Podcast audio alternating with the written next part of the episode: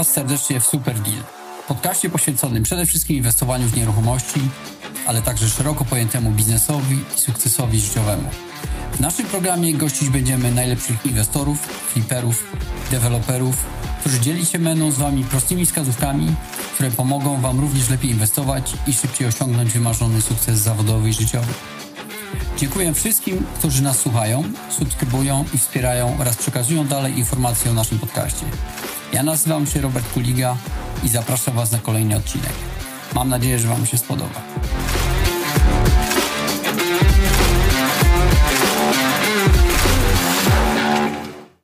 Cześć, witam wszystkich serdecznie. Z tej strony Robert Kuliga. Witam Was w kolejnym e, odcinku podcastu Super Deal. Dzisiaj e, moim gościem jest Rafał Zalewski, inwestor z Gdańska, który specjalizuje się, można powiedzieć, w kwaterach pracowniczych, czyli w wynajmie dla pracowników. Cześć Rafale, witam Cię. Cześć, witam Ciebie Robercie serdecznie, witam serdecznie Twoich słuchaczy, słuchaczy Twojego podcastu, witam, dzień dobry. Dziękuję Ci bardzo, że zgodziłeś się mm, wystąpić w moim podcaście, żeby troszkę nam tutaj przybliżyć temat kwater e, pracowniczych. Powiem szczerze, mm, sam jestem y, tym tematem zainteresowany. Nie wiem za dużo o kwaterach pracowniczych. Y, nigdy nie wszedłem w temat wynajmu pracownikom, ale słyszałem, że, że to jest faktycznie temat ciekawy z tendencją do, do tego, że ten rynek gdzieś tam rośnie, szczególnie w pewnych obszarach, które się teraz, no można powiedzieć, że teraz wszystkie obszary w Polsce w jakiś sposób się rozwijają, jeśli chodzi o zapotrzebowanie na pracowników. Także myślę, że jeżeli tylko wzrost gospodarczy będzie, to chyba nie ma co się martwić, że ten rynek e, gdzieś tam będzie się zwijał, tylko raczej się rozwijał.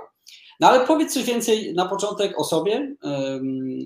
Tak, mhm. Przybliż nam jeszcze, co, co, co innego robisz, czy czym się jeszcze może specjalizujesz. Parę słów tak. o sobie, proszę. Cię. Już, już mówię. Y, tak jak mówiłem na początku, Zalewski Rafał nazywam się. E, pochodzę z Gdańska, tu się urodziłem, cały czas tutaj funkcjonuję. Generalnie na tą chwilę w życiu poruszam się w takich dwóch obszarach, dwie firmy. Jedna z nich to jest e, właśnie ta, o której dzisiaj trochę porozmawiamy, czyli zakwaterowanie e, pracownikom, świadczymy takie usługi. Druga firma zajmuje się, ona też jest jakby nie patrzeć trochę osadzona w rynku nieruchomości, ale jest bardziej udogodnieniem takimi usługami. I w tamtej drugiej firmie zajmujemy się dostawami porannych śniadań dla operatorów apartamentów, czyli jakby nie patrzeć, też to rynek nieruchomości jest, gdyż go dobrze znamy, ale jest to taka bardziej usługa poboczna. No, no ale tak jak wspomniałeś, tutaj skupimy się na zakwaterowaniu pracowników. Chwilę tutaj omówimy ten temat. Tak, bo tak można powiedzieć, że ma, mając trochę znajomych też w Gdańsku, między innymi dzięki mieszkańczykowi, w którym się poznaliśmy, nawiasem tak. mówiąc, e, warszawskim, to chyba właśnie rynek gdański też obfituje w, w tego typu usługi, czyli najem krótkoterminowy, a, a co za tym idzie te usługi dodatkowe, prawda? Tak, tak, tak. Więc tutaj też mamy w jednym i w drugim mamy doświadczenie kilkuletnie. I no, generalnie też zawsze kierowałem się taką zasadą, że stół na jednej nodze będzie tak sobie stał, więc dwie, no trzy są wymagane, więc też mamy jeszcze inny mały projekt, ale to już niezwiązane z mhm. nieruchomościami, więc nie będziemy go poruszać. Aczkolwiek takie trzy nogi stabilizują gdzieś tam e, sytuację. Wiadomo, nie jest to też taka sytuacja, że jeżeli ma się jeden, jedyny biznes, to pewnie i on szybciej może gdzieś tam urosnąć. Ale z drugiej strony ja zawsze staram się taką metodą dywersyfikacji, e, no jeśli chodzi o żonę, to oczywiście nie, ale dywersyfikacja pod kątem e, pracowników, zadań, czy, czy powiedzmy różnych tutaj biznesów, staram się nie za bardzo oczywiście, bo to też może więcej szkody e, nam dać, ale taka delikatna dywersyfikacja wszędzie myślę, że jest wskazana. Mhm. Tak, rynek jest dynamiczny i, i przecież pamiętamy nie tak dawno, nie, że, że w, jak w przypadku pandemii, że to wszystko się zmieniło praktycznie z dnia na dzień i e, niektóre biznesy, które bardzo dobrze funkcjonowały, związane chociażby pod najem, związane z nieruchomościami, praktycznie z dnia na dzień to, to stanęło, nie? Oj, to też to, to czuliśmy trochę wtedy, ten 2020 E, troszkę teraz e, od niedawna w tym roku korygujemy strategię, możemy to później tam e, mhm. dopowiedzieć, dlaczego też pozbyliśmy się niektórych lokali. Tak, ale to są właśnie takie reperkusje rzeczy, które bardzo szybko, niesamowicie szybko przez ostatnie trzy lata się dzieją. To naprawdę jest karkołomne często się dostosować do tego rynku, bo ja naprawdę czasy przedpandemiczne to tak, one już na pewno nie, wró nie wrócą ale te, te trzy lata, które teraz mamy już od początku, te zapoczątkowania pandemii, no to to ja mam wrażenie, że to minął miesiąc, czasami pół roku, tak, bardzo szybko. No generalnie chyba teraz w ogóle y, co, coraz bardziej, jak gdyby ja to też zauważam, że wchodzimy w taki, że, że te zmiany są tak ciągłe i tak dynamiczne. Przed chwilą też rozmawialiśmy chwilę o tem, temacie sztucznej inteligencji, prawda, jak to dynamicznie tak. wchodzi, że praktycznie można powiedzieć, że, że za chwilę się okaże, że znowu jakąś małą rewolucję będziemy przeżywać i wszystko się zmieni, e, jak nie 180 stopni, to się bardzo szybko e, zmieni, prawda? To jest niesamowicie kolejna, to, to jest pewne, że to jest jakaś rewolucja przemysłowa, już kolejna, nie pamiętam czy czwarta, czy piąta. Jednak wiesz co, no, te działania, które teraz się szybko dzieją, chociażby tu wspomniałeś o AI, to ja widzę już takie sygnały y, globalne, że być może będą regulacje, e, one chyba raczej będą, które trochę to przystopują, bo już są kraje, które tam zrezygnowały z różnych takich udogodnień. E, też akurat od wczoraj, wczoraj i przedwczoraj i jeszcze dzisiaj trwa bardzo fajne wydarzenie w Katowicach, e, Europejski Kongres Gospodarczy. Miałem tam być, ale śledziłem to jednak online, bo, mhm. bo natłok pracy gdzieś tam mnie zatrzymał tutaj i tam też był panel bardzo ciekawy o nieruchomościach. Możemy tam e, dwa zdania na to poświęcić, bo, e, bo są bardzo różne, nawet chociażby zobacz, jeśli chodzi o ceny nieruchomości, które tutaj cały czas jest żywa dyskusja, ja też obserwuję YouTube'a, różnego rodzaju podcasty, no to można by wymienić też kilka argumentów za tym, że ceny wzrosną lub za tym, że ceny spadną, tak? A, a jak będzie, to nie wiemy. No, z racji tego, że to wszystko tak e, nabrało rozpędu. No, a wbrew to w polskich realiach gospodarczych, tutaj społeczno-gospodarczych jeszcze nie mamy takich e, danych historycznych, nie? bo tam w Stanach oni mogą powiedzieć, że mieli ileś tam już tych faz przeszli, recesji i, i, cokolwiek więcej i chociażby w aspekcie rynku nieruchomości są w stanie powiedzieć. U nas ten rynek jest wbrew pozorom e, bardzo młody, nie? w sensie te, ten prywatny najem i taki rynek inwestycyjny w tym obszarze i tutaj y, można powiedzieć co 10 lat, tak, może troszkę więcej takich danych y, mamy, ale, ale niewiele więcej. Wróćmy w takim razie y, do jak gdyby tematu naszego podcastu, żebyśmy chociaż nie, nie, nie okazało się, że zabraknie nam czasu na ten temat. Tak. Po prostu tak, no pierwsze pytanie w ogóle chciałem się zapytać, żebyś nam przybliżył tak naprawdę definicję tego, co to są kwatery pracownicze, wynajem pracownikom, jak to się powiedzmy ma do takiej tradycyjnej formy wynajmowania, y, no też długoterminowego w zasadzie. I czy to mhm. z tej perspektywy chociażby, czy, czy to jest bardziej opłacalne, nieopłacalne i, i też jeśli chodzi o nakłady na przykład y, czasowe, możesz od, tak, tak, od tak, takiego tak, poziomu bardziej ogólnego, żebyśmy przeszli do, do czegoś bardziej szczegółowego. Tak, zanim przejdziemy gdzieś tam do jakiegoś konkretnego jednego czy dwóch przykładów z naszego tutaj wewnętrznego podwórka, tak, tutaj wspomniałeś o kwaterach. To można by to też tak naprawdę ująć, że jest to system taki zorganizowanych wynajmów dla agencji pracy, bo jakby y, zdecydowanie u nas i również w firmach konkurencyjnych, no jednak większość współpracy opiera się na współpracy z agencjami pracy. To jest y, tak naprawdę docelowy klient, y, najlepszy klient można by powiedzieć.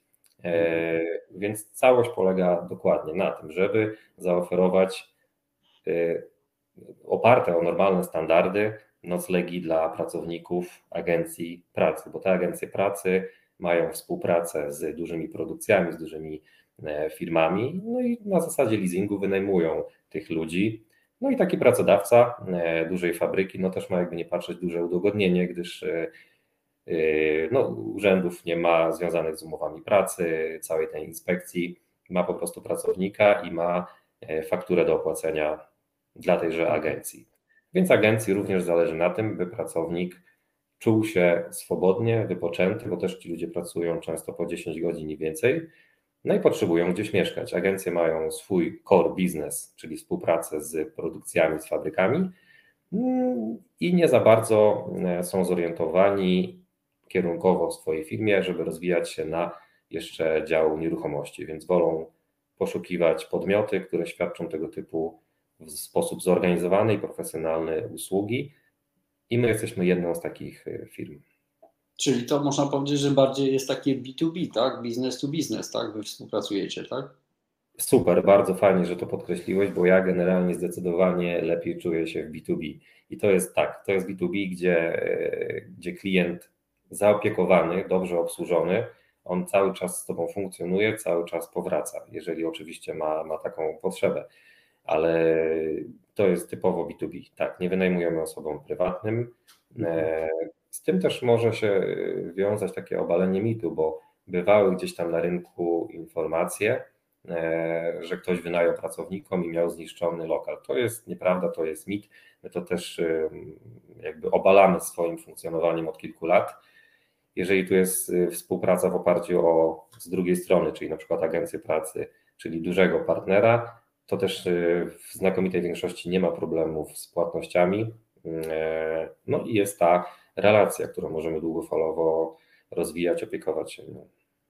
No tutaj wspomniałeś o tak y, pewnie jednym właśnie z rzeczy, o którą, których ludzie się może obawiają, czyli e, żeby się już nie bali tego, e, że mogą mieć zniszczone bardziej mieszkania przez to. Ale powiedz mi coś jeszcze właśnie na temat, y, jakie są dodatkowe korzyści w porównaniu do takiego zwykłego najmu, e, jeśli chodzi o na przykład, nie wiem, rentowności.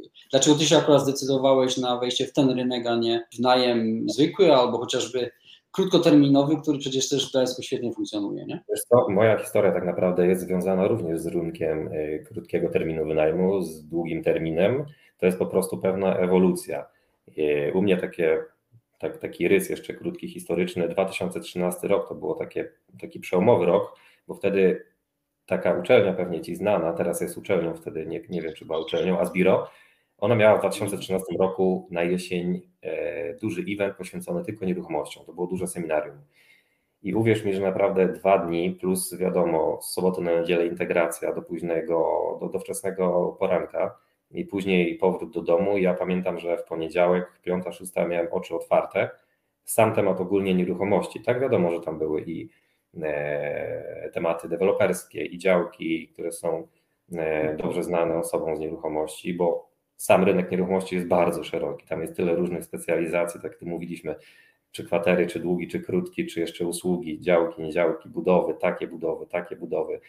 E, więc od 2013 roku wchodziłem w ten e, temat podnajmu. Bardzo mi się to spodobało. Szybko sobie przekalkulowałem, że można to skalować, to znaczy przykładowo dane proste mieszkanie E, wtedy jeszcze można było w cenach 1000, 1200 nabyć 3-4 pokoje i nawet jeszcze mamy dzisiaj takie jedno mieszkanie, to jest w ogóle ewenement w tej cenie.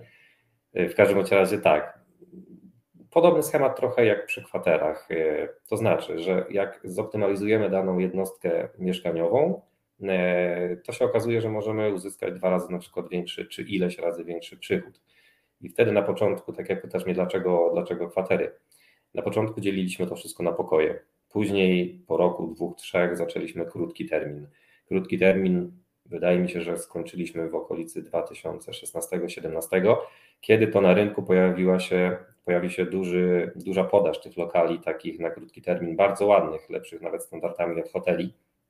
A my z naszymi mieszkaniami, które były klasyczne, normalne mieszkania, no już nie mogliśmy konkurować. I wtedy zastanawiałem się, e, co zrobić, bo pewnego lata podsumowaliśmy sobie, że dokładnie niewiele większy firma miała zarobek przy wynajmie krótkoterminowym, jak porównaliśmy to z, z długim, długim terminem na pokoje.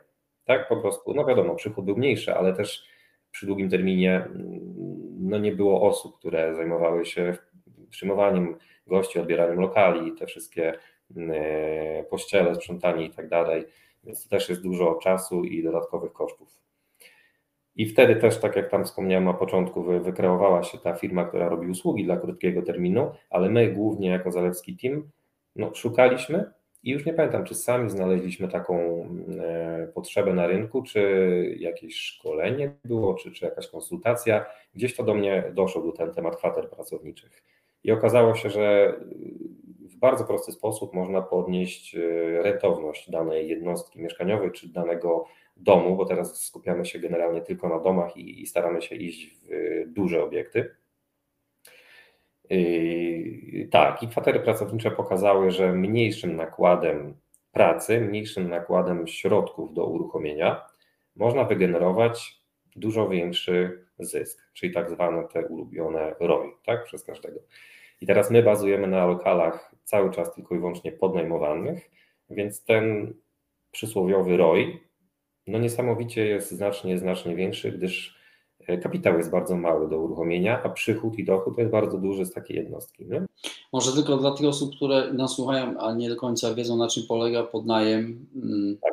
No, generalnie to jest strategia, która, tak jak sama nazwa wskazuje, trochę polega na po prostu wynajęciu od kogoś e, nieruchomości e, na, zazwyczaj na dłuższy termin, e, ale za troszkę niższą cenę, więc to z jednej strony ma, ma gwarancję stałego e, dochodu, ale jest w stanie może trochę zaakceptować niższą cenę, a wtedy jakby wasz biznes polega na, można powiedzieć, wynajęciu tego dalej, ale w tym modelu akurat waszym kwater pracowniczych, tak?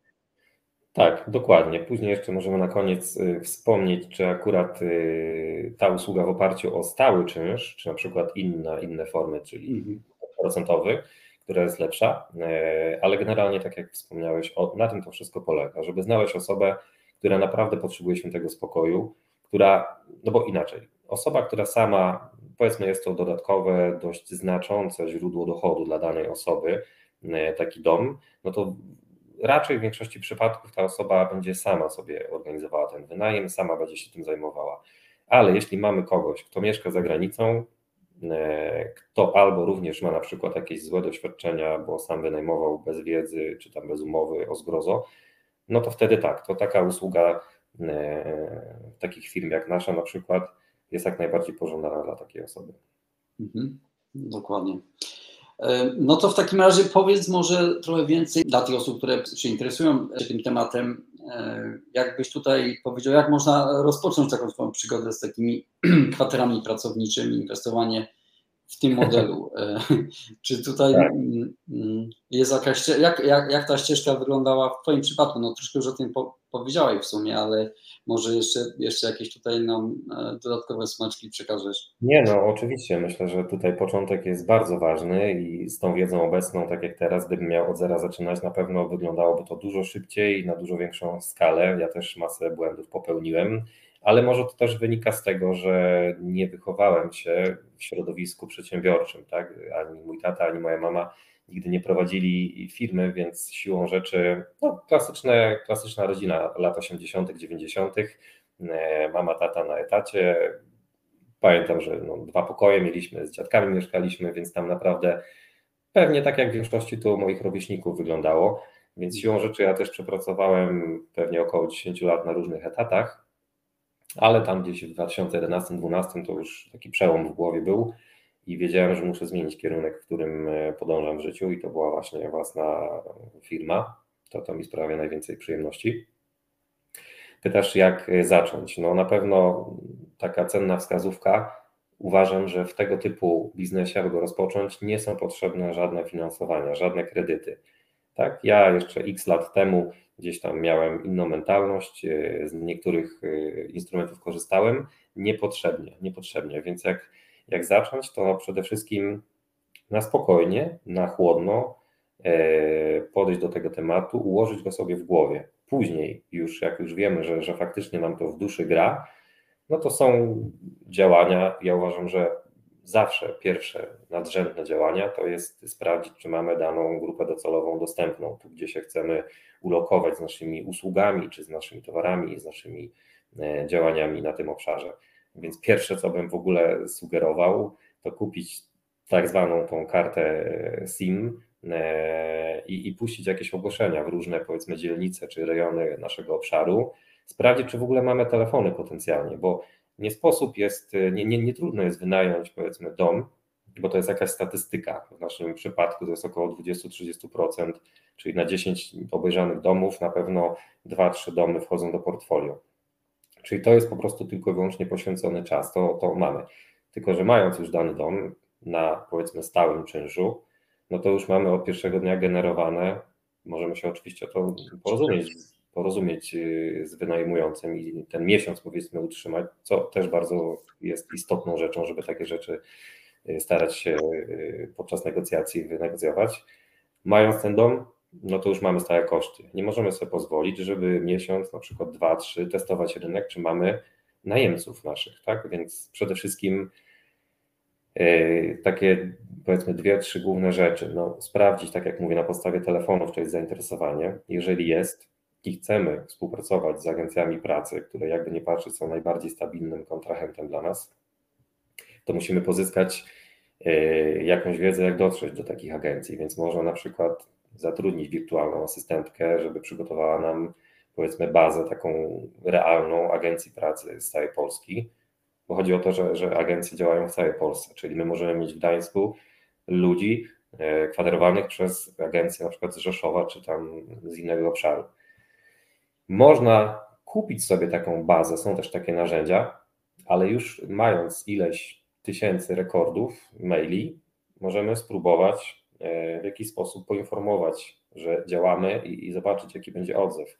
Jeżeli zobaczymy, że mamy dość dużo telefonów, że są zainteresowane podmioty naszą usługą, no to, to fajnie. To, to jest ten moment, kiedy już y, skupmy się na lokalizacji. Tak? I, i, I też kluczowe jest, żeby wybadać jaka lokalizacja. U nas na przykład na Pomorzu no mamy dodatkowo stocznie jeszcze, prócz magazynów. I teraz tak jak był początek, styczeń, luty, te magazyny ewidentnie troszkę nam skorygowały obłożenie, to z drugiej strony pojawia się teraz dość mocne y, zapotrzebowanie na stocznie. Nie wiem, jak jest w innych rejonach, bo, bo, bo, bo, nie znam rynku. Wiem, że rynek wrocławski jest dość mocno rozbudowany, jeśli chodzi o kwatery mm, i być może on się będzie trzymał niezależnie, czy tak jak mamy teraz spadek sprzedaży detalicznej dość wyraźny, dość wyraźny. No ale zawsze raczej pracowników będzie więcej w takich ośrodkach, gdzie są centra logistyczne dużych firm spożywczych, niż gdzieś tam na przykład y, odzież, tak? Wiadomo, że jak jest jakiś spadek gospodarczy, to tak czy siak ludzie potrzebują części samochodowych, bo samochody się poruszają, potrzebują jedzenia, żywności, mm, ale jakby mogą sobie troszeczkę odłożyć na bok zakupy ubrań. Nie? I wtedy, jak mamy magazyn, wiemy, że dany duży magazyn, w nim y, produkuje się, nie wiem, wieszaki na przykład plastikowe, czy powiedzmy y, spodnie, no to ten magazyn może być jakby troszeczkę mniej obłożone pracownikami, czyli my również możemy nasze kwatery mieć może trochę mniej obłożone. Nie? To jest wiadomo, wszystko oparte o relacje. Jeżeli zadbamy, to już niezależnie od tego, czy firma zajmuje się kwaterami, czy czym innym, ale musimy zadbać o tego naszego klienta docelowego, zbudować sobie sprzedaż w tej początkowej fazie, już na początku, żeby nie mieć później problemu, że mamy koszty stałe, a przychód spada. Nie? Tak. Znaczy ja jedyne co chciałbym jeszcze naszym słuchaczom na co zwrócić uwagę, żeby to gdzieś tam brzmiało, że to jest bardzo fajna strategia, y, y, która obala ten mit, że żeby inwestować w nieruchomości, to trzeba mieć duży kapitał, prawda? Bo tutaj praktycznie y, w stosunkowo niskim czy niskim ryzyku najpierw ten rynek gdzieś tam weryfikując, a później chociażby wynajmując taki dom, nie musimy inwestować setek tysięcy złotych od razu w jego zakup, bo po prostu mamy niski koszt wejścia w tego, w tego typu biznes. Tak? Nie wiem, czy wy dalej zostaliście tylko w formie podnajmu, czy też macie, y, że tak powiem, nieruchomości, których jesteście właścicielem, ale jest to jedna z tych strategii, która y, według mnie dla osób szczególnie, które gdzieś tam myślą dopiero o, o wejściu w rynek inwestycyjny i nie mają własnego kapitału, jest ciekawą do rozważenia. Nie?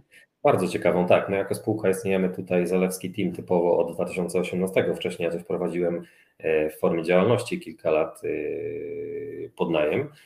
Natomiast tak, no, z racji tego, że spółka już jakąś historię ma, więc e, jeszcze nie mamy własnych nieruchomości, ale to jest myślę, że kwestia czasu. Tu też nie ukrywam, że partner biznesowy również byłby przydatny, żeby więcej i, i, i mocniej zeskalować to wszystko. Ale jak tutaj zauważyłeś, sam typowy podnajem to są naprawdę nieduże koszty. Jakieś minimalne trzeba mieć, tak? Chociażby wspomniana wirtualna asystentka, bo my też ile rzeczy możemy zrobić sami, ale najważniejsze, żebyśmy się skupili, e, dobrze zbadali grupę docelową, dobrze zbadali lokalizację, żeby później to było łatwiejsze, no bo już jak e, zakładam, że pewnie większość słuchaczy, która myśli w ogóle gdzieś tam o, o kwaterach, zakwaterowaniu pracowników, no chciałaby to rozwinąć na odpowiednią wyższą skalę. Ileś takich powiedzmy lokali czy domów, myślę, że góra 4-5 możemy sobie sami zorganizować, ale jak już chcemy mieć większą skalę, no to zdecydowanie to już musi być struktura, procedury i, i firma i to są rzeczy już bardziej nadrzędne. Bo jak mamy to wszystko poukładane, to każdy nowy, każda nowa nieruchomość w, naszej, w naszym portfolio no jest po prostu kopią poprzednich i, i powielamy to wszystko, dostosowujemy jakieś delikatne szczegóły, ale większość się nie zmienia. To po prostu rozbudowujemy coś, skalujemy coś, y, co od początku było dobrze skonstruowane i zaprojektowane. Jasne. A w takim razie powiedzmy też jeszcze może, czy w zasadzie ty powiedz o, o benefitach, co troszkę powiedziałeś, y, natomiast y, nigdzie nie jest kolorowo, w sensie tak, wiesz, na 100%. Jakie jakie wyzwania i problemy e, pojawiają się w przypadku wynajmu kwater pracowniczych, bo na pewno tak, takowe mhm. są. Tak, oczywiście, nie jest to wszystko w różowych e, barwach. Ja tutaj mówię po prostu o przypadku, kiedy na początku włożymy dużo pracy, żeby pozyskać tą wiedzę, starać się to wszystko ułożyć, ale ja również mnóstwo błędów popełniłem, pewnie jakieś tam cały czas popełniamy, na których po prostu się uczymy. I możemy oczywiście iść na jedno, drugie, trzecie szkolenie, mm, no ale to tak jak z jazdą na rowerze, no sami musimy nauczyć się, no bo jak się nie przewrócimy ileś razy, no to nie, no chociażby nam mówili, jakie to jest świetne, no to, to się nie nauczymy. Masa błędów jest y, za nami. Y, wady jakieś, tak, czy minusy. No na pewno, jeżeli mamy większą ilość osób, to podnosimy troszkę ryzyko na danym lokalu, jeśli chodzi o, nie wiem, głośność na przykład, tak?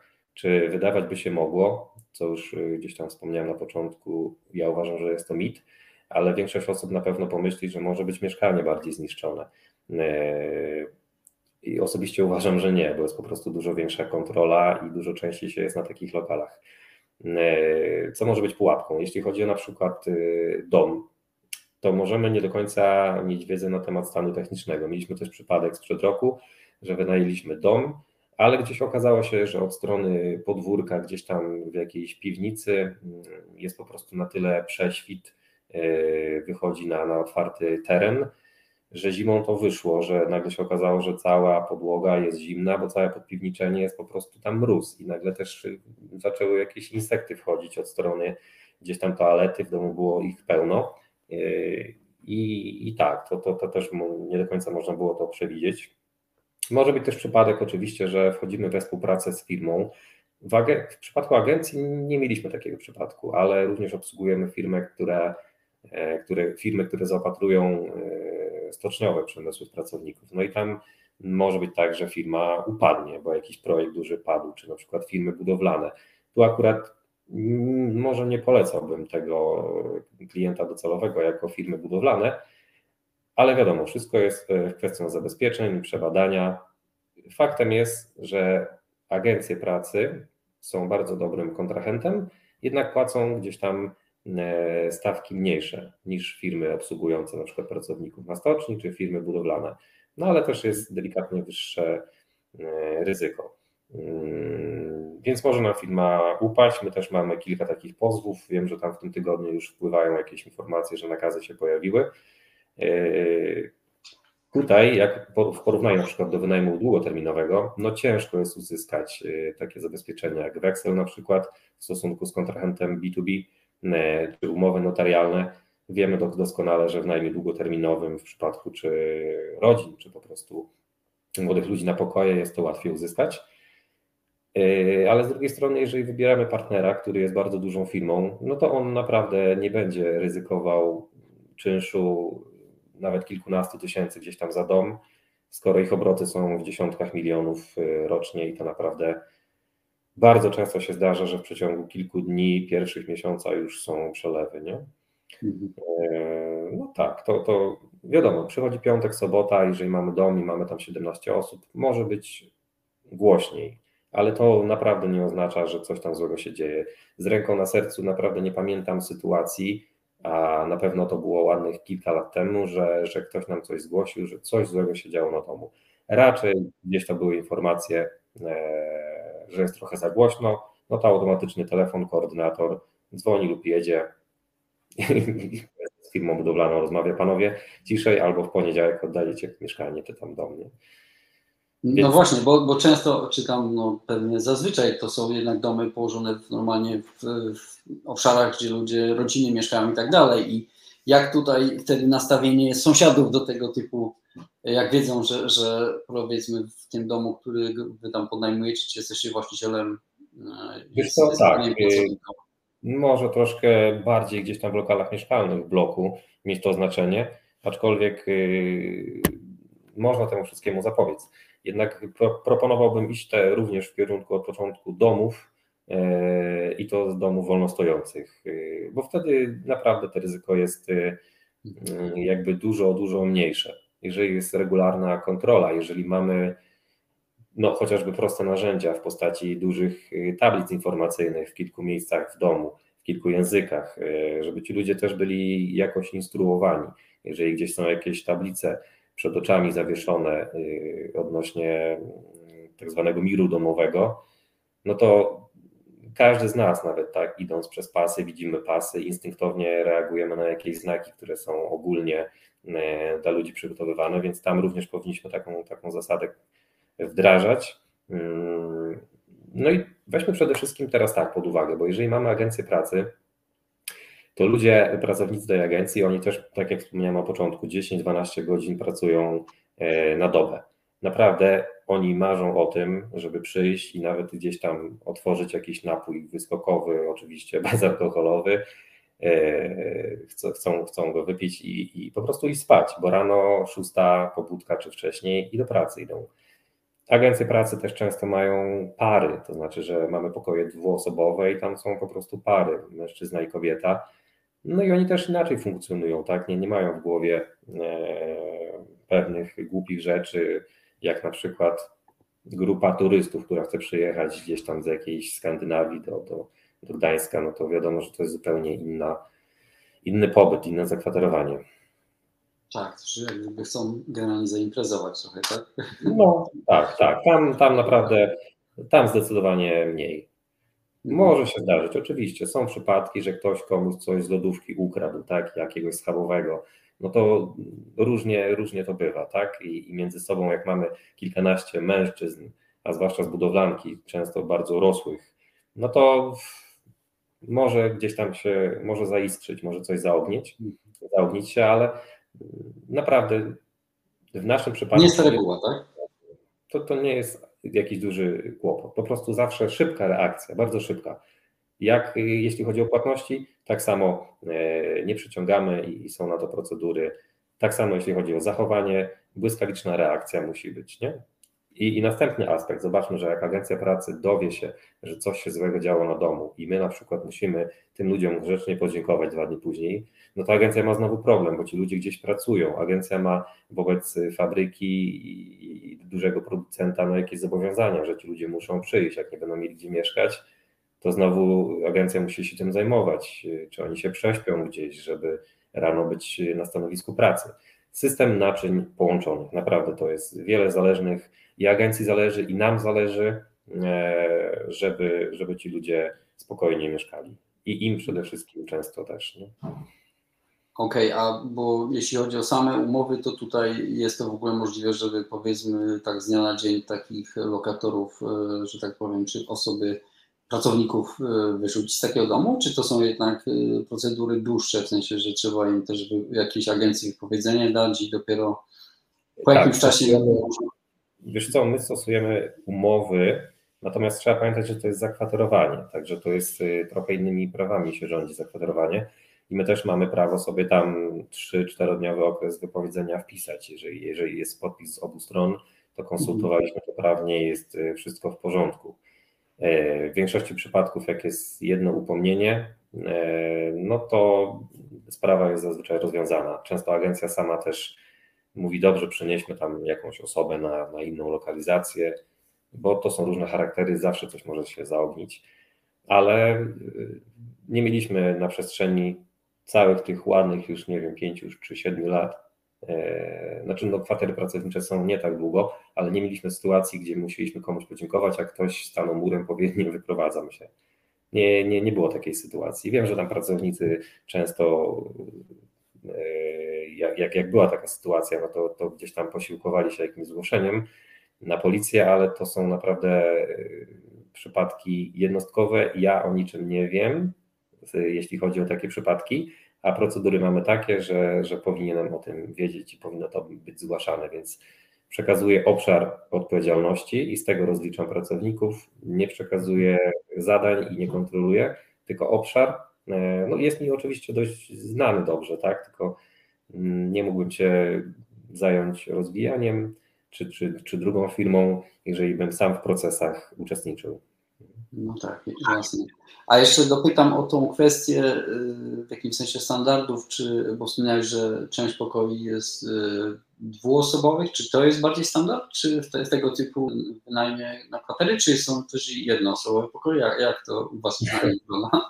To jeszcze często widzę ogłoszenia, gdzie ludzie oferują tam pięcio czy sześcio naprawdę osobowe pokoje. To jest, to jest dramat, to nie powinno istnieć, ale jeszcze jak widać jest.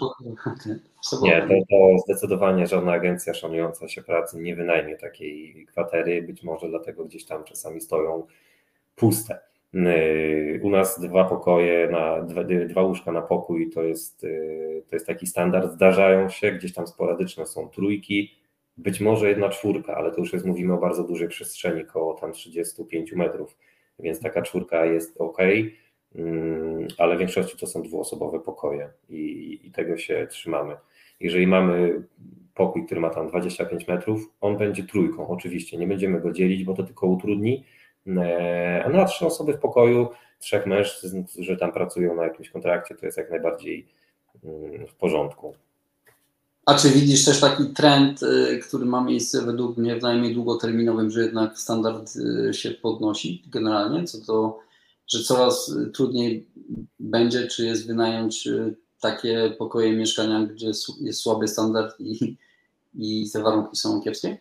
Oczywiście, to również tyczy się kwater pracowniczych. Jeszcze na początku, kiedy rozpoczęła się wojna i mieliśmy bardzo dużo tutaj napływu e, ludzi z Ukrainy, no to gdzieś tam no, Polska też nie dysponuje aż taką dużą bazą e, mieszkań do wynajęcia, więc to gdzieś miało drugorzędne znaczenie, ale w tej chwili mamy sytuację, gdzie agencja pracy dobrze ogląda, e, dobrze ogląda dany dom i mimo tego, że no, ludzie, którzy gdzieś tam na produkcji, na taśmie zazwyczaj tej przysłowiowej pracują, to również muszą być spełnione podstawowe rzeczy, no już wiadomo, czystość, schludność to jest, to jest sprawa naturalna ale odpowiedni, odpowiednia ilość łazienek, y, kuchni, y, wyposażenie, tak, to wszystko ma znaczenie. Mówimy oczywiście o podstawowym wyposażeniu, ale y, myślę, że agencje też nauczyły się trochę na polskim rynku, kiedy część osób usłyszała, że można wynajmować prac, pracownikom i, i nagle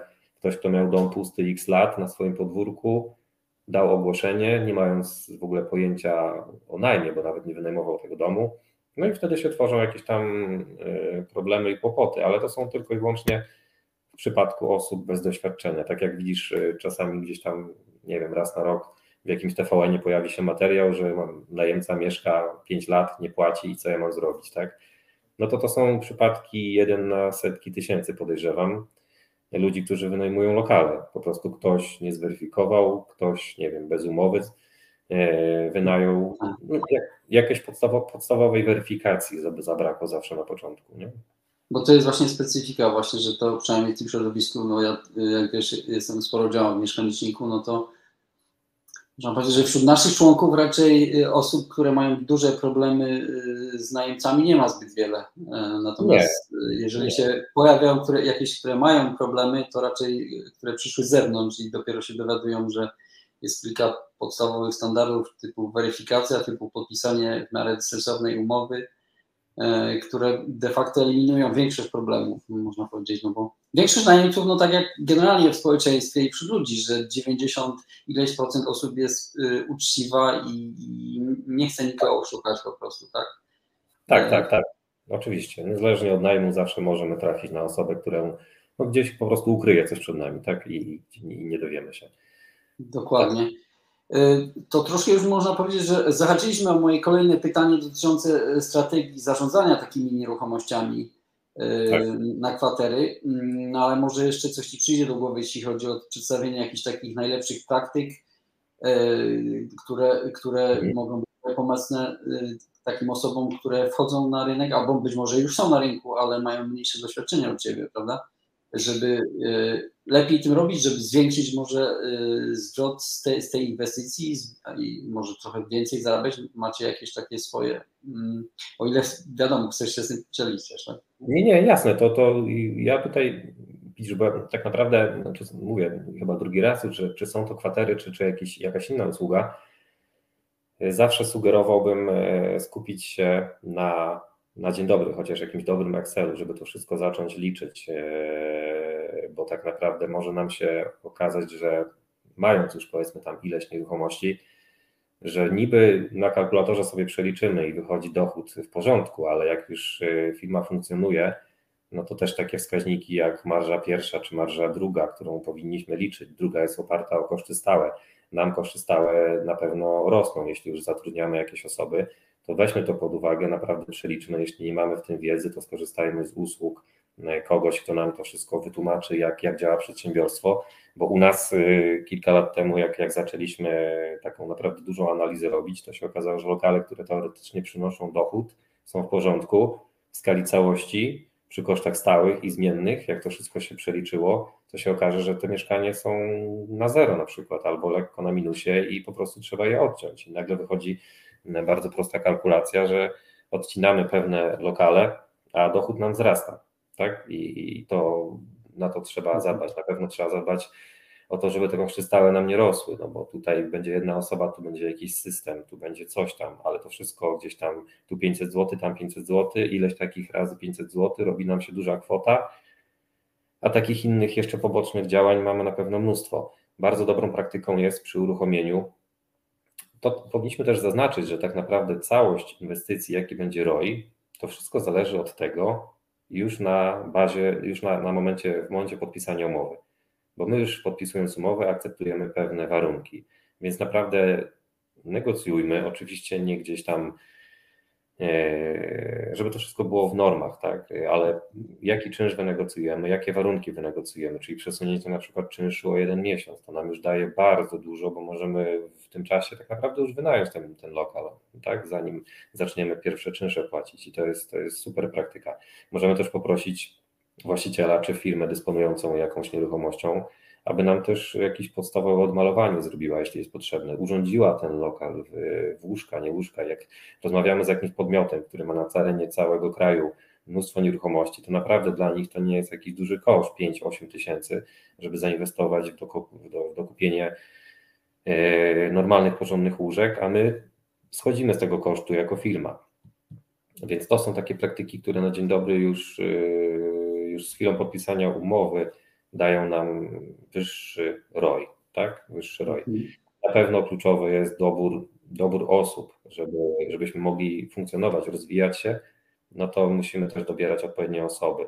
Inne e, pod kątem osobowości. Róbmy testy. Ja też zawsze staram się dwa, trzy testy osobowości zrobić, żebym wiedział potencjalnie z jaką osobą rozmawiam, jakiego tak zwanego koloru ta osoba jest, jakiego jestem ja, wiem, gdzie ktoś tam inny, trzeci u nas jest, to potrzebujemy o tam tak zwanym kolorze innym danej osoby, która nas pomoże i razem jako team, tylko i wyłącznie możemy strukturyzować to i przenosić powoli na wyższy, na wyższy level, tak.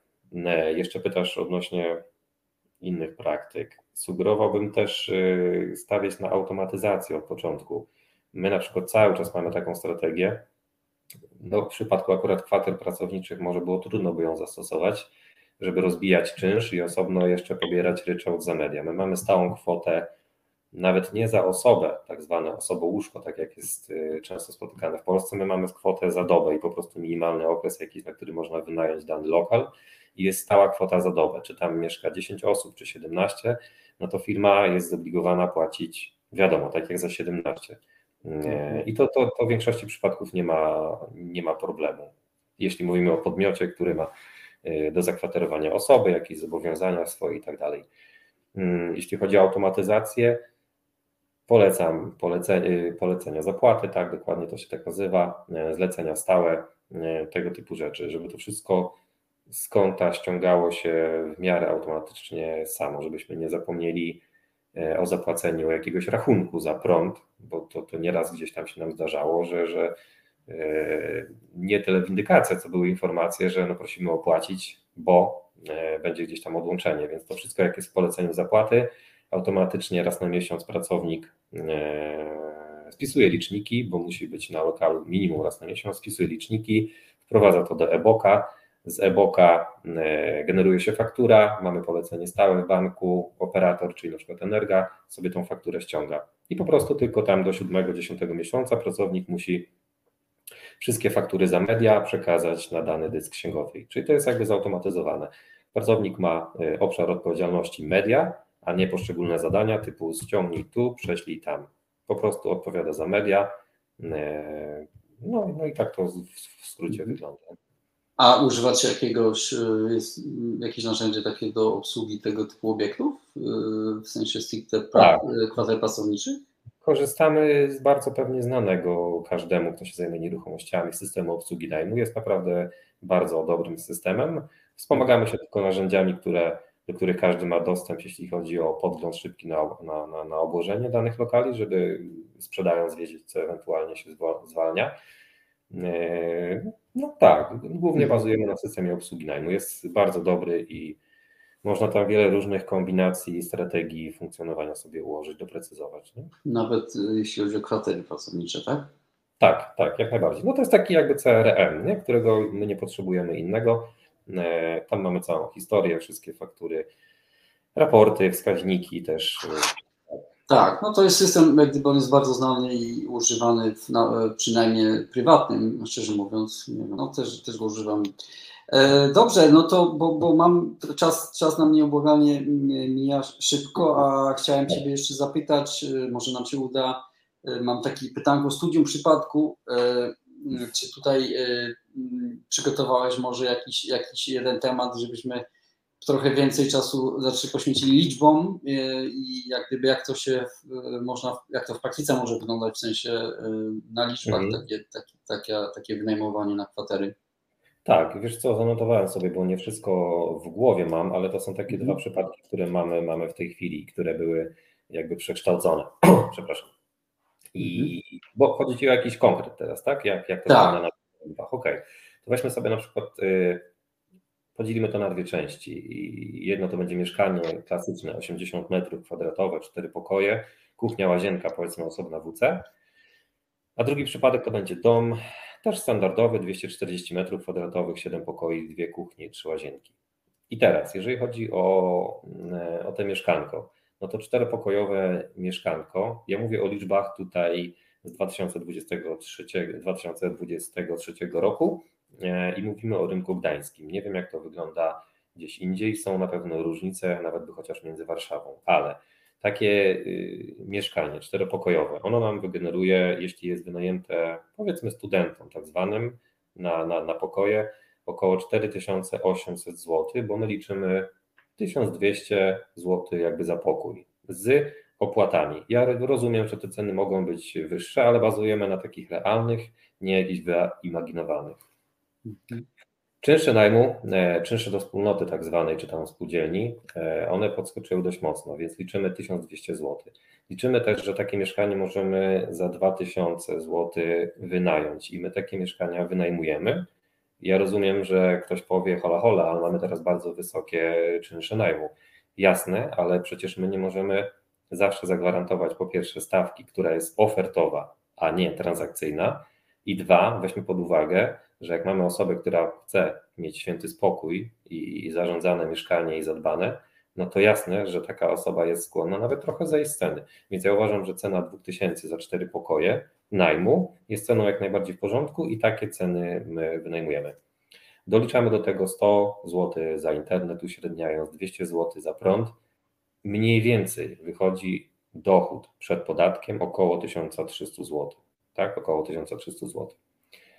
Jeżeli takie samo mieszkanie wynajmiemy w celach zakwaterowania dla pracowników, no to tam na 80 metrach spokojnie i komfortowo 8 osób, jeżeli te pokoje są oczywiście około 11-12 metrów, a takie, takie są, to dwa, dwa łóżka na pokój to jest w porządku. To jest naprawdę ok i nikt tutaj nie ma nic do tego. Mamy 8 osób. Jeżeli 30 zł, bo akurat takie u nas są stawki, 30 zł tak jakby netto, do tego dochodzi 8% VAT-u, ale operujemy tylko na kwotach netto, to co istotne jest dla firmy, no to 8 osób razy 30 zł to jest 240 zł za dobę. W miesiącu mamy już kwotę 7200. Później dojdziemy do tego, że oczywiście nie liczymy stuprocentowego obłożenia, bo to też by było nieuczciwe. E, ale już mamy 7200, czyli o 50% wyższy przychód. I teraz co się dzieje z, z opłatami? Oczywiście musimy podnieść trochę w górę opłaty te spółdzielcze, bo wzrośnie nam woda. Tak? Czy powiedzmy ogólnie jakaś eksploatacja. Czyli 1400 podnosimy z 1200 na 1400. Mamy dalej ten sam czynsz 2000 zł dla właściciela. Ten sam internet, prąd również powinniśmy podnieść. E, doliczamy, co ważne, sprzątanie 500 zł. To jest taka u nas kwota za sprzątanie z wymianą pościeli, uśredniając na, na wszystkie lokale. Suma summarum, jak ktoś sobie tam zanotuje, przesłucha jeszcze raz, to dochód wychodzi prawie 3000. Worzes 1300, które mieliśmy na początku. Czyli o 130% jest wyższy zysk przed opodatkowaniem, też podkreślamy, bo każdy ma różne, przed opodatkowaniem. Tak, czyli uzyskaliśmy 130% wyższy zysk na mieszkaniu. Co jeszcze warto dodać? W przypadku najmu na pokoje, jeżeli pozyskujemy taki lokal, ja z doświadczenia wiem, że około 10 tysięcy do 10 tysięcy trzeba było zainwestować własnych środków. Jasne, rozmowa z właścicielami, ale zakładamy, że, że właściciel nie chciał nic ponosić. Mamy tu na myśli jakieś umeblowanie. Ja jeżeli wynajmujemy na pokoje, to pokoje muszą być bardzo ładne, bo takie mamy obecnie standardy. To wszystko kosztuje. Meble z Ikei, tapety, nie tapety, firanki. 10 tysięcy złotych. To w pierwszym naszym przypadku, licząc 11 miesięcy wynajmu, a nie 12, wychodziło nam ROI 140% około. Tak? Ktoś powie, wow, dużo, no ale tak, ale to jest jednak podnajem, czyli inwestujemy około 10 tysięcy, ale taki mamy zwrot. Jak to samo przełożymy na te mieszkanko celem zakwaterowania pracowników, to naprawdę z naszego doświadczenia raczej do 5 tysięcy to jest wkład y, w takie mieszkanie. Nie są nam potrzebne te wszystkie ładne tapety, te wszystkie piękne dodatki z IKEA. Jest potrzebne nam solidne łóżko, jest potrzebne nam e, taka szafka nocna z lampką, mm, tak, krzesło, jakieś biureczko czy stolik jakiś mały. To są rzeczy, które i telewizor, i, i ci ludzie wymagają takich rzeczy. Więc do 5 tysięcy jesteśmy się w stanie zmieścić. Jeżeli sobie ktoś tam to przesłuchał i, i podliczył, no to przy wkładzie 5 tysięcy i prawie 3 tysięcy zysku miesięcznie mamy ROI powyżej 600%, 650. Czyli jest niesamowicie, niesamowicie ten wskaźnik dużo wyższy. Tak? I on jest oczywiście, nagle mamy z 4 osób 8 osób, ale czy to jest jakiś e, kłopot, jeżeli mamy wszystko dobrze zorganizowane i przemyślane i ci ludzie e, po 10-11 godzin pracują, a później muszą po prostu się przespać? Nie, to jest wszystko jak najbardziej w porządku. Wzięliśmy pod uwagę do, wzięliśmy pod uwagę koszty sprzątania, czyli jeżeli jesteśmy minimum raz na dwa tygodnie na takim lokalu, no to on jest siłą rzeczy bardziej doglądany niż wynajmujemy to tym przykładowym studentom i jesteśmy tam, nie wiem, raz na dwa miesiące, trzy. I, i z doświadczenia naszego prywatnego też mogę powiedzieć, że 7-8 osób, jeśli chodzi o pracowników, częściej potrafi zużyć mniej wody niż czterech studentów. Tak. Nie mają tyle czasu, tak? Nie mają tyle czasu, może też w fabrykach są jakieś udostępnione prysznice. Aha, mm, tak. I, i, I tam jest średnio około, wychodzi nam o pół metra sześciennego miesięcznie jakby na osobę mniejsze zużycie wody. Nie? My i tak za, za, założyliśmy tą wodę tutaj podniesioną w tych opłatach, co przedstawiałem, no ale mamy 140% zwrotu versus 650.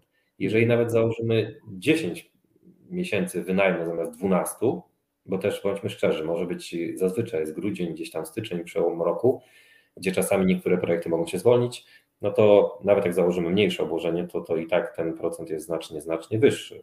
I teraz pomnożmy sobie to razy 5 czy razy 10, jak ktoś myśli na skali, czy razy 20, razy 50, no to możemy skumulować naprawdę bardzo fajne środki, by potem już zacząć reinwestować je y, samemu w jakieś obiekty. Mhm. Tak, dokładnie. Zazwyczaj to jest ten poziom podstawowy. Samemu zacząć zarabiać, a później można inwestować. Tak, no. tak, tylko oczywiście tu też ktoś może zarzucić, że o 5, 10, 20 lokali, czy domów, jasne, to już są procedury, pracownicy i koszty stałe wzrastają, czy jakieś samochody serwisowe, musi być przynajmniej złota rączka jedna, musi być na stałe serwis sprzątający. To wszystko e, powoduje, że, że ten mnożnik nie jest nas, naszym czystym dochodem, tylko mamy też koszty inne, ale z tym się trzeba liczyć i po prostu to kalkulować. Natomiast e, liczby nie kłamią, praktyka nie kłamie i, i, i tak to wygląda. Ponosimy trochę wyższe ryzyko, bo musimy się pewnie nauczyć sposobu e, funkcjonowania z pracownikami. Mm, ale to wszystko się gdzieś tam skłania do checklist, procedur i jakiejś ułożonej strategii. Mhm. A jeszcze dopytam o taką e, praktyczny aspekt tego, bo wspomniałeś, że w takich ośmiu osobach, czterech pokojach na przykład, to e, no, w domu to rozumiem, że to może i nie jest problem, to, że jest więcej łazienek i ten, ale w takim mieszkaniu czteropokojowym to, to co wtedy robicie dodatkową łazienkę tak naprawdę? Czy, no, czy oni się do tej, do tej liczby osób, jak jest e, łazienka duża, z, tak jakby jedna połączona z WC i osobne WC z lusterkiem i umywalką, to jest w porządku i to też agencje akceptują. My nawet nie mamy przypadku, że powyżej liczby, że mielibyśmy na takim mieszkaniu gdzieś tam, nawet gdyby pozwalał metraż, żeby ulokować większą ilość osób, bo to jest y, po pierwsze, ja się źle też bym z tym czuł, że, że nie chciałbym takich usług oferować, a po drugie, takie osoby i tak by opuściły lokal pewnie po dwóch, trzech tygodniach. Nie ma szans, żeby większa liczba osób e, bez dodatkowych łazienek mogła normalnie funkcjonować. Nie? Jasne. Powiem Ci, z tego co mówisz, to całkiem fajnie to wygląda. Mm, jeśli chodzi o przynajmniej ten aspekt finansowy. Y, no tak jak wspomniałeś trochę, że żeby często bywa tak, że niekoniecznie większy przychód y, y, równa się większy zysk. Tak? Tak. często bywa tak, że bywa odwrotnie, nie? że ktoś teoretycznie czasami może rozwijać i zarabiać więcej, ale zostanie mu mniej w związku z kosztami. Nie? Więc tak, jest... tak, dokładnie. My też y, cały czas się w tym kształcimy i ja też tutaj zebrałem duże doświadczenie, bo wydawało mi się x lat temu wiele rzeczy inaczej. No ale człowiek się uczy na błędach i dlatego Teraz jestem bardzo skoncentrowany, żeby wszystko było dopracowane, gdyż tak jak mówię, jeżeli pojawi się jakiś partner biznesowy, żeby to wszystko jeszcze mocniej po prostu ruszyło. Nie? No, do, dobrze, to y, na sam koniec jeszcze mam takie pytanko, w sumie też już trochę o, o, mówiłeś o tym, ale może jeszcze jakieś takie mhm. E, bardziej w aspekcie ogólnym, jakie są takie twoje trzy y, top, trzy wskazówki, jak osiągnąć sukces y, bardziej, no, można powiedzieć, w inwestowaniu już nawet, czy, czy w mhm. biznesie y, szeroko pojętym, y, tak. mając na, na, bagaż już swoich doświadczeń. Mhm, może byłby w stanie coś, coś jeszcze powiedzieć naszym słuchaczom? Wiesz co, dla mnie zawsze najważniejsi są dookoła mnie ludzie. Samemu tego wszystkiego nigdy nie zrobimy.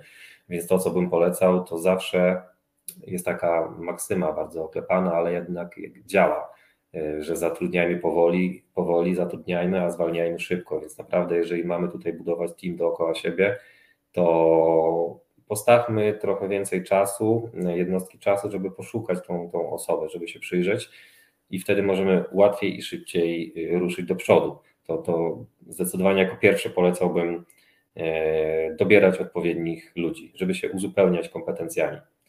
A od czego ty rozpocząłeś y, zatrudnianie, jak mogę zapytać? Y, od jakiego typu osoby, jak y, zaczynałeś współpracować z kimś? Jaki to był typ osoby? Bo wspomniałeś tutaj o takim teście osobowości, tak? Który jakiś, tak. jakiś używasz. Ja jestem, nie wiem, jaki.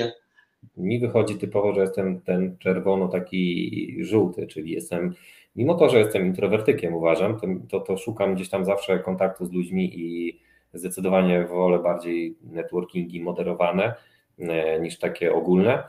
No ale też mam sobie ten kolor czerwony, czyli lubię być aktywny, lubię działać, coś układać, więc siłą rzeczy no nie mogę mieć takiej drugiej osoby, więc jako pierwsza zawsze, gdybym miał zaczynać od zera, no musi być osoba, która bardziej e, skupiona jest na sprawach takich, może nie skupiona, ale ma tą tendencję do takich spraw administracyjno-excelowych, zadaniowych, czyli bardziej te kolory tam e, niebiesko, niebiesko-zielone, tak? Y, czyli ktoś, kto potrafi usiąść, je na przykład osobiście, uwierz mi, y, jeszcze czasami gdzieś tam pomagam w tym, kompletowanie faktur, no to jest y, coś, czego ja naprawdę nie chcę dotykać i na szczęście już jest osoba, ale no gdzieś tam jeszcze niektóre rzeczy nadzoruję.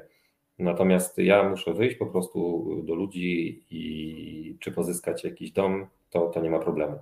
Natomiast wracając do tych trzech wskazówek jeszcze, liczyć wszystko 3-5 razy. Nie na kalkulatorze, że na szybko nam się tutaj coś spina, bo może się nie spinać. Weźmy pod uwagę różne czynniki mm, i może być również dobrze trzecią taką wskazówką, żeby nie, jeżeli chcemy już zacząć działać w kwaterach pracowniczych, poszukiwać jakiegoś domu, nie brać pierwszego e, lepszego, po prostu, bo jest dom, tylko sprawdzić dokładnie lokalizację, stan techniczny, mm, no bo ta decyzja może świadczyć o tym, że będziemy mieli bardzo duży problem, albo tego problemu nie będziemy mieli. Więc tu zwrócić uwagę i niekoniecznie każdy właściciel z każdym domem jest dla nas kontrahentem. Szukajmy takich rozwiązań, żeby było łatwiej nam pracować z takim obiektem. Mhm, jasne. A tak z ciekawości jeszcze dopytam, bo to pewnie też y, słuchaczy zainteresuje. Jakiego testu uży, używasz? Tak, bo takim podstawowym testem jest 16 Personalities, taka strona, 16 osobowości.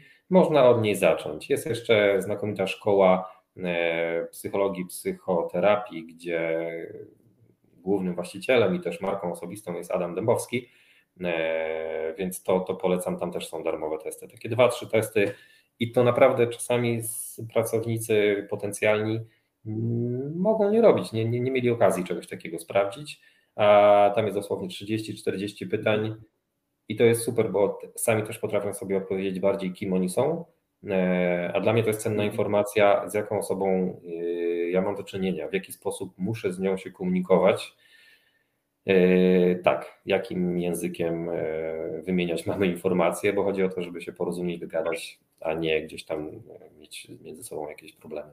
No, ja się tak wiele razy zastanawiałem, dlaczego w mhm. ogóle tego się, nie, może teraz już się robi to na uczelniach i w szkołach podstawowych, te testy osobowości, żeby ludzie w ogóle wiedzieli, w jakiej, w jakiej, w jakiej oni kategorie się, można powiedzieć, kwalifikują i, no bo to wiele też pomaga, prawda? A być może teraz już to jest zrobione, ale ja, jak jeszcze ja na studiach byłem, to w ogóle nikt o tym nawet nie wspominał, że, że powinno się, można powiedzieć też w jakiś sensie mieć to co do samego siebie tak, tak. Mam synka ośmioletniego i ja bacznie obserwuję, jak w tej chwili ta edukacja wygląda. Na tą chwilę według mnie nic się nie zmieniło od y, pewnie dziesiątek i setek lat, ale powoli, powoli gdzieś tam się pojawiają takie nowoczesne rzeczy, które, tak jak mówisz, no, test osobowości, czy y, budowanie relacji z drugim człowiekiem, jakieś wystąpienia publiczne, żeby to nie było coś, co nam przyprawia nam strach, tylko żeby to było w miarę takie normalne, ale przede wszystkim bardzo istotne są rzeczy związane z psychologią i one powinny dużą część e, tego przedziału lekcyjnego zajmować w szkole, nie? To na pewno. Dokładnie. Tak, bo wszystko wskazuje na to, że idziemy w kierunku takim, gdzie te specjalizacje są coraz węższe i tak nie da się, czy nie będzie można praktycznie żadnego projektu zrealizować mm, w, nie wiem, tam samemu albo nawet w kilka osób, tylko trzeba będzie jednak to są większe grupy, które wymagają, żeby ze sobą współpracować i żeby coś osiągnąć. Tak, nie? jak idę holem szkolnym e, odebrać synka, no to jednak większość młodych osób jest e, pochylona nad telefonem i mam nadzieję, że ten trend dojdzie do jakiegoś momentu krytycznego i później to się zmieni, bo czy ty, czy ja sobie inaczej, inaczej przypominamy te czasy szkolne, a niestety ci ludzie za 5-10 lat będą wyborcami, więc tutaj jest naprawdę mnóstwo rzeczy do zrobienia. E, no ale też powstają szkoły, które kształcą dobrych psychoterapeutów. Na pewno ten zawód po pierwsze nie da się zautomatyzować żadną sztuczną inteligencją e, i jest bardzo, bardzo rozwojowy, bardzo pomocny przede wszystkim. Tutaj moja mhm. małżonka też się specjalizuje. Myślę, że jestem pewny, że będzie znakomitą psychoterapeutką, ale jeszcze czasu trochę potrzeba. Natomiast tak, tutaj tego typu podmioty powinny powstawać, y, dobrej jakości podmioty, jeden po drugim. Dzieci potrzebują pomocy, my potrzebujemy również, to jest teraz y, standard.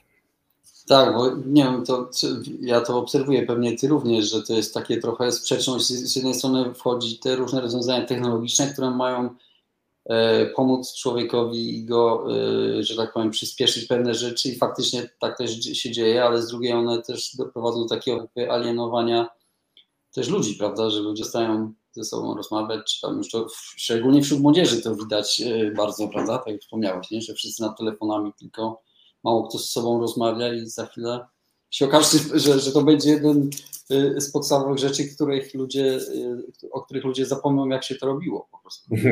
tak, i to jest duże wyzwanie właśnie dla przedsiębiorców, bo za chwilę ci ludzie wejdą na rynek pracy, musimy z nimi się komunikować ja nie wyobrażam sobie komunikacji tylko na podstawie Messengera czy SMS-a, ale normalnie zasiąść do stołu i omówić kluczowe kwestie. E, no, bądźmy dobrej myśli. To widać, że się zmienia powoli gdzieś tam też mimo wszystko na lepsze.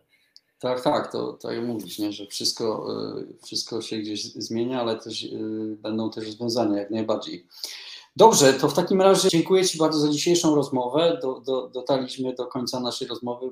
Z mojej perspektywy bardzo ciekawa. Dowiedziałem się co najmniej kilku rzeczy o, o kwaterach pracowniczych. E, może na koniec jeszcze tylko mm, powiedz, y, jeśli ktoś chciałby z naszych słuchaczy się z Tobą skontaktować, jak, to, jak można się właśnie, jak, jak do mhm. Ciebie dotrzeć, jak najlepiej z skontaktować? Wiesz co, myślę, że chyba można poprzez y, Facebooka Rafał Zalewski albo przez LinkedIna, również mhm. oczywiście Rafał Zalewski E, to chyba będzie mm, najłatwiejsza forma. Można również wysłać wiadomość na maila rafał małpa zalewski team, bo tak się nazywa nasza spółka, zalewskiteam.pl. Więc y, pewnie, jeżeli ktoś widzi jakieś pole do współpracy, to, to bardzo chętnie e, lub po prostu do wymiany informacji również zachęcam. Jasne. Super, to, to dziękuję Ci jeszcze raz y, za poświęcony czas. Dzięki wielkie i zapraszam oczywiście wszystkich do słuchania kolejnego odcinka y, podcastu Super Deal już wkrótce. Trzymajcie dziękuję, się. Dziękuję, cześć. cześć. Mam nadzieję, że spodobał Wam się dzisiejszy odcinek podcastu Super Deal. Jeśli jeszcze nie jesteście naszymi subskrybentami, kliknijcie już teraz przycisk subskrybuj, aby mieć pewność, że nie ominie Was kolejny odcinek. Pamiętajcie, sukces, jak i porażkę można przewidzieć.